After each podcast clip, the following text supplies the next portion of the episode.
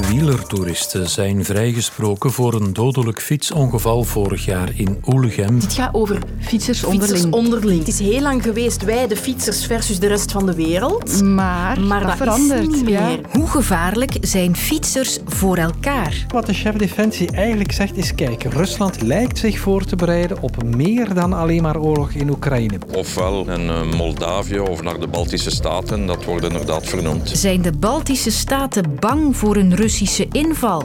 We proberen hier van alles met lichtjes en zo, maar dat kan daar toch niet aan tippen. Maar zie jong, je kunt het zo niet bedenken toch? Het is mooier dan het vuurwerk op de Scheldekaaien met oudjaar. En wat staat IJsland nog te wachten na de vulkanische uitbarsting? Die drie vragen zijn op onze redactie opgeborreld vandaag. De antwoorden krijg je in dit kwartier met Sophie van der Donkt.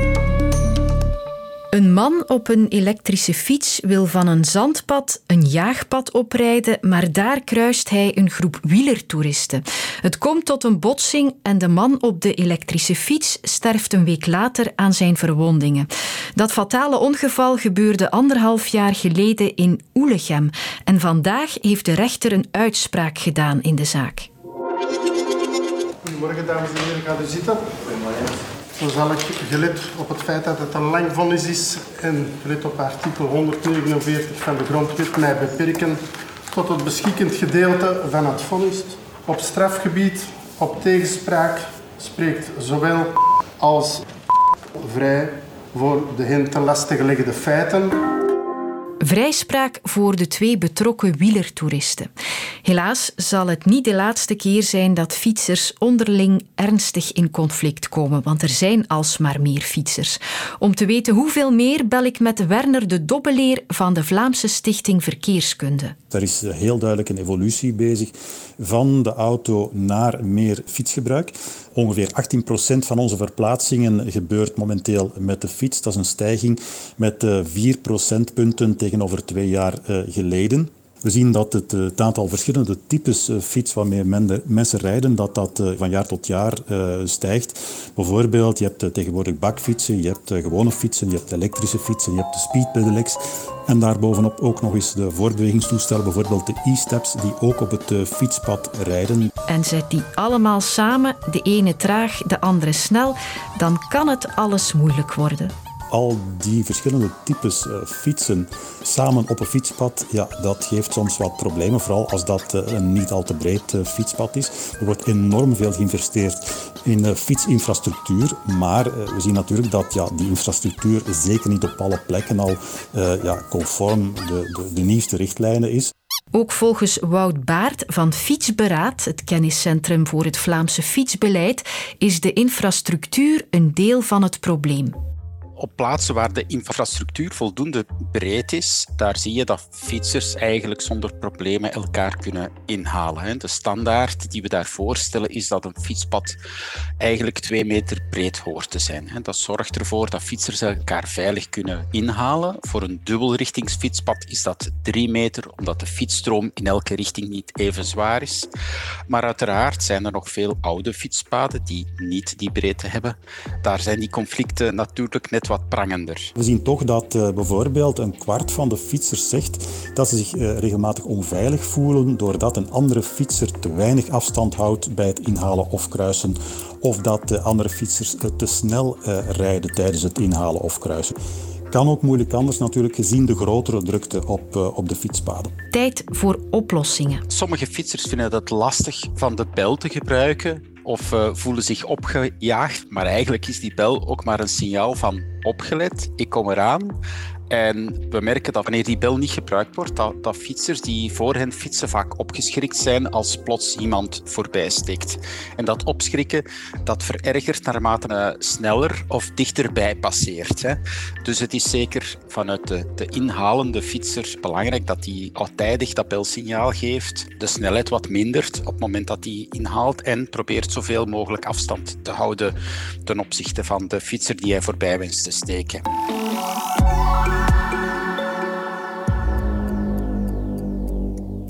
Wij zien dat uh, Rusland nu al overschakeld is naar een uh, oorlogsindustrie.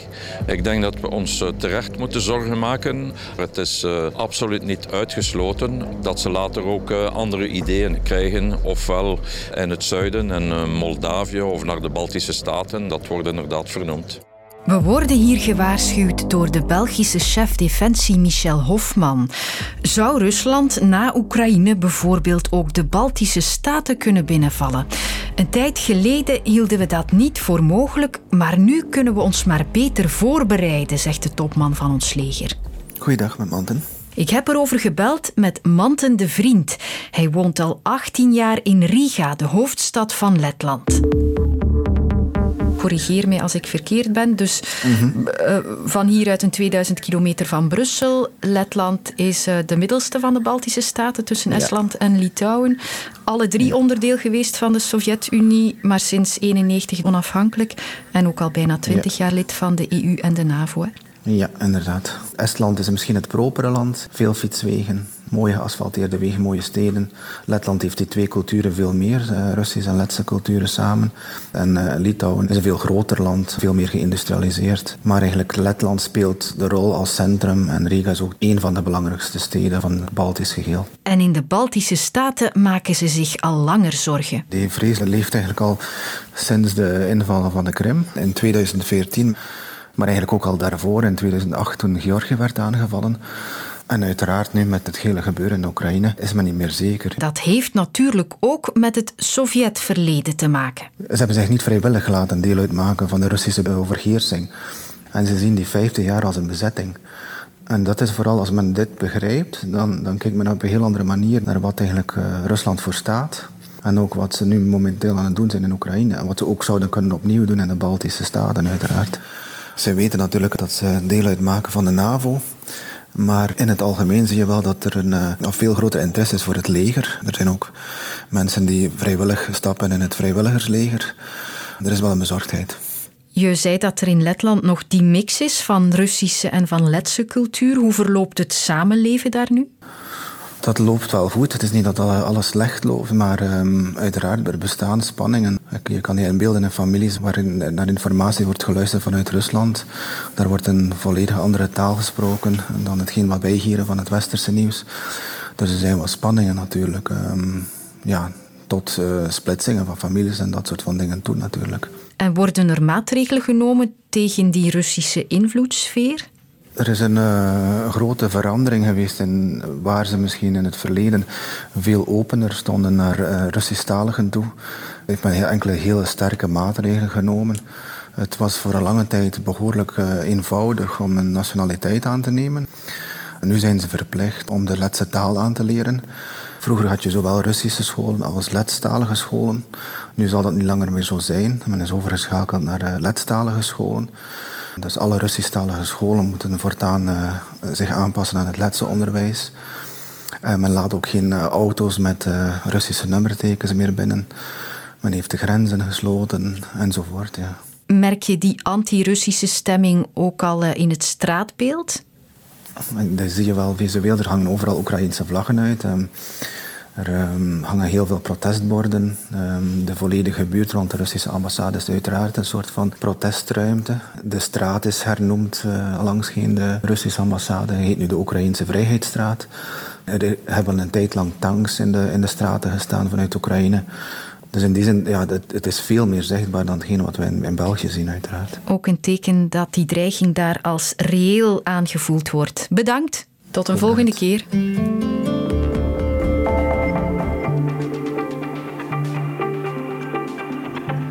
Gaat je er uh, Siguros op zetten? Oh, laten we dat misschien eens niet doen.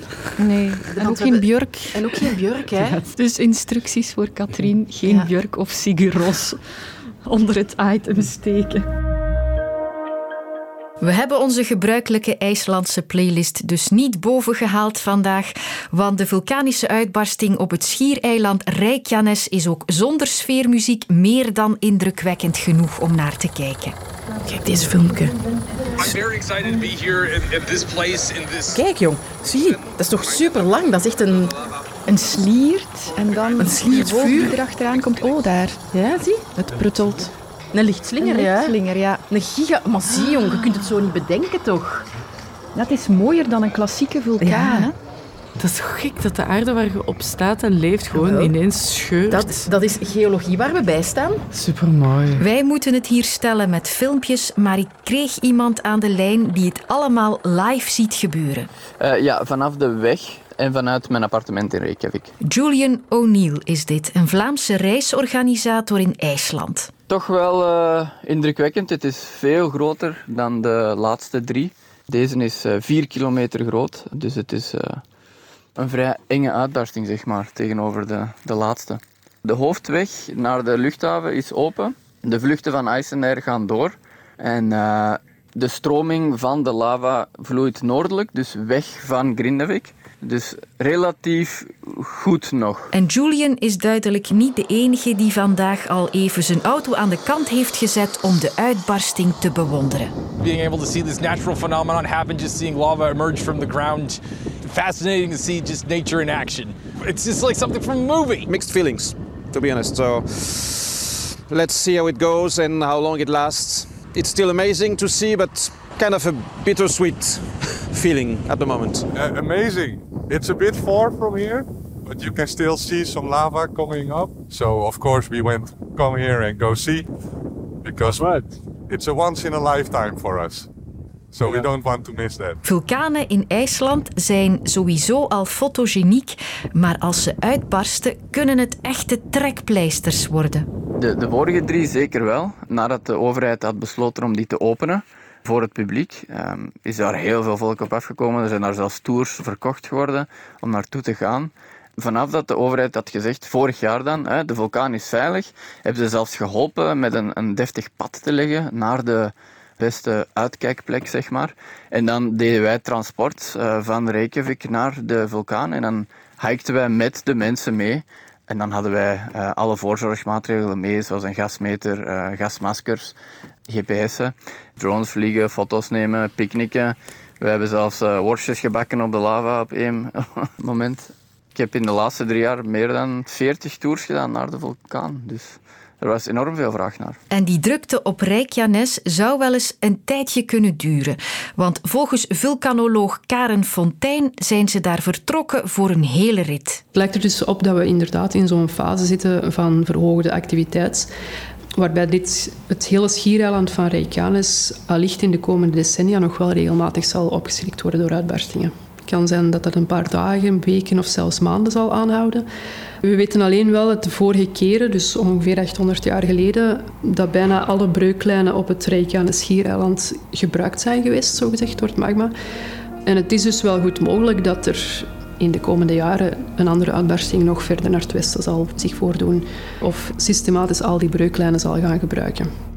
Voorlopig is het nog te gevaarlijk om dichtbij te komen. Als ik het vergelijk met de uitbarstingen van de laatste drie jaar, is deze veel groter. En deze zal natuurlijk voorlopig nog niet bezoekbaar zijn. Eerst en vooral omdat het dicht tegen Grindavik ligt en de mensen daar die dreigen hun huis te verliezen. Dus we gaan natuurlijk geen tours doen daar. En dan die van vorig jaar, die lag in een volledig meer afgelegen gebied. En dat was een veel kleinere uitbarsting, dus daar kon je eigenlijk veilig naartoe en gewoon fotootjes van nemen. Dat gaan we nu dus nog niet doen, zeker niet.